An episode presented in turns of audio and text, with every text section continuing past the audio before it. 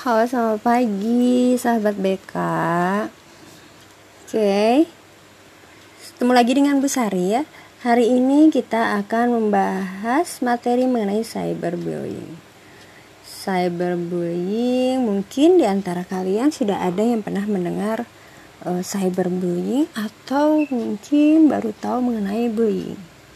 Nah Kenapa hari ini Ibu menyampaikan materi mengenai cyberbullying ini? Karena di era pandemi ini kita memang berkomunikasi pasti menggunakan uh, smartphone. Ya, pasti yang digunakan itu adalah media sosial. Nah, cyberbullying ini uh, pasti terjadinya itu adalah di media sosial. Ya. Nah, Kenapa ibu memberi materi cyberbullying? Di antaranya adalah supaya ibu berharap setelah kalian mendapatkan materi ini, maka kalian bisa menggunakan internet atau media sosial dengan bijak, ya. Nah, pengertian cyberbullying itu apa sih? Cyberbullying adalah bentuk penindasan atau kekerasan dengan bentuk mengejek, mengatakan kebohongan, melontarkan kata-kata kasar, menyebarkan rumor, maupun melakukan ancaman atau berkomentar agresif.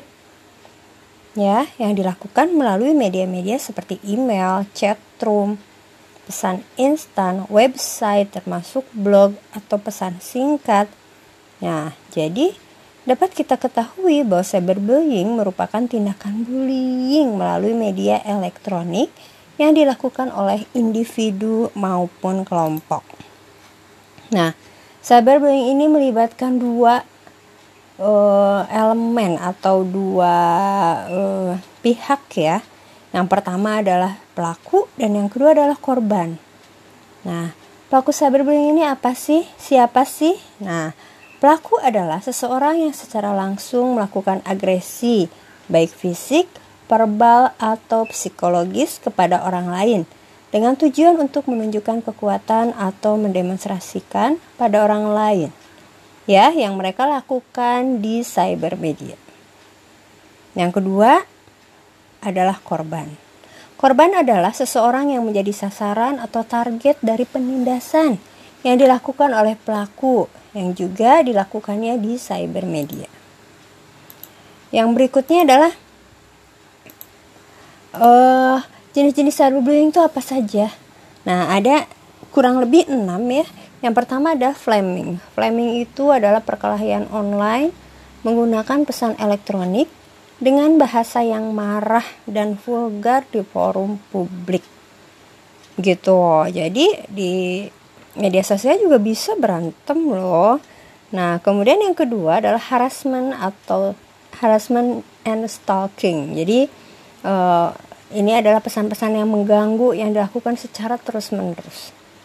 Ya, kemudian yang ketiga adalah denigration. Denigration ini mengirim atau memposting gosip, rumor tentang seseorang untuk merusak reputasinya. Yang keempat, impersonation. Impersonation ini adalah personation, impersonation. Jadi personal ya. Jadi dia berpura-pura menjadi orang lain untuk mempermalukan seseorang. Jadi kayak dia misalnya pakai akun fake dan lain sebagainya. Yang kelima adalah outing and trickery, yaitu menggugah informasi pribadi untuk merusak reputasi orang tersebut. Yang terakhir, exclusion. Ya. Jadi kalau exclusion itu mengecilkan korban dari aktivitas sosial secara online. Pertanyaan berikutnya adalah kenapa sih kok bisa ya ada orang yang melakukan cyberbullying? Bisa, karena bisa jadi dia memang ada perasaan marah, sakit hati, iri, balas dendam, atau juga karena frustasi.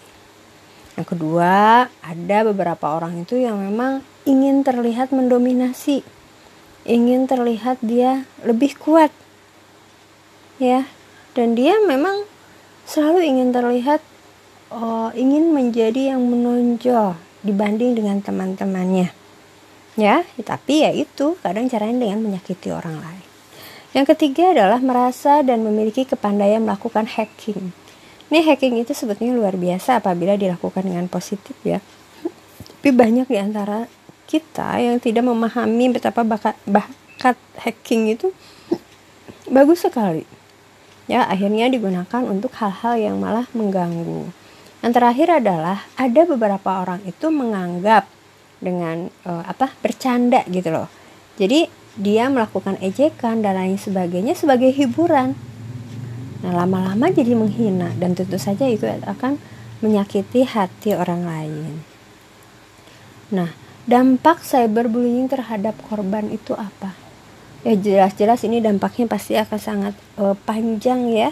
Yang pertama sekali hilangnya rasa percaya diri, kemudian merasa cemas, lalu menjadi pribadi yang rapuh, bahkan dia menjadi agresif karena dia merasa tertekan dan akhirnya membalas dendam. Kemudian berikutnya adalah merasa tidak diinginkan.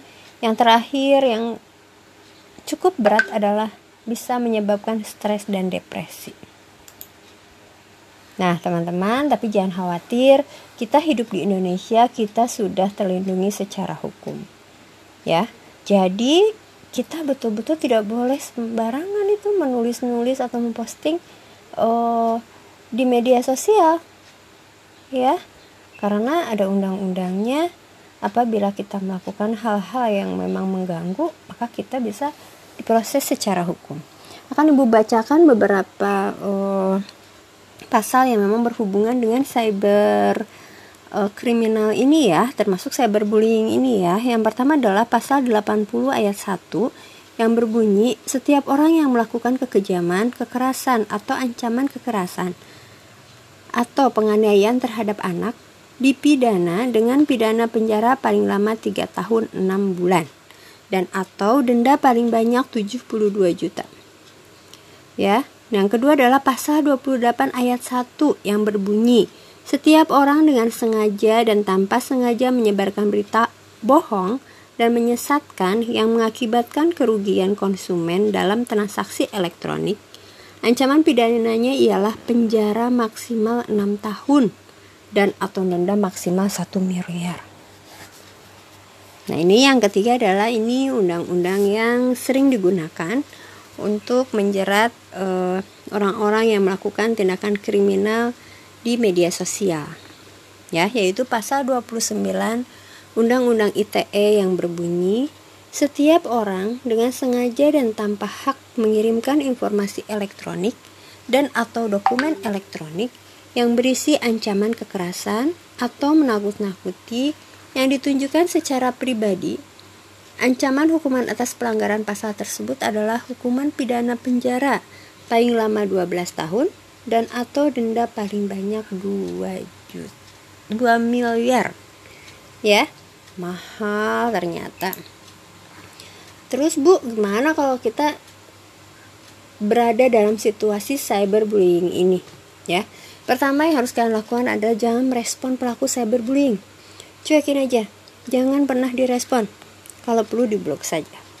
Ya, kemudian yang kedua, apabila tidak bisa memblokir dan terus mengganggu, maka berceritalah kepada orang yang dipercaya.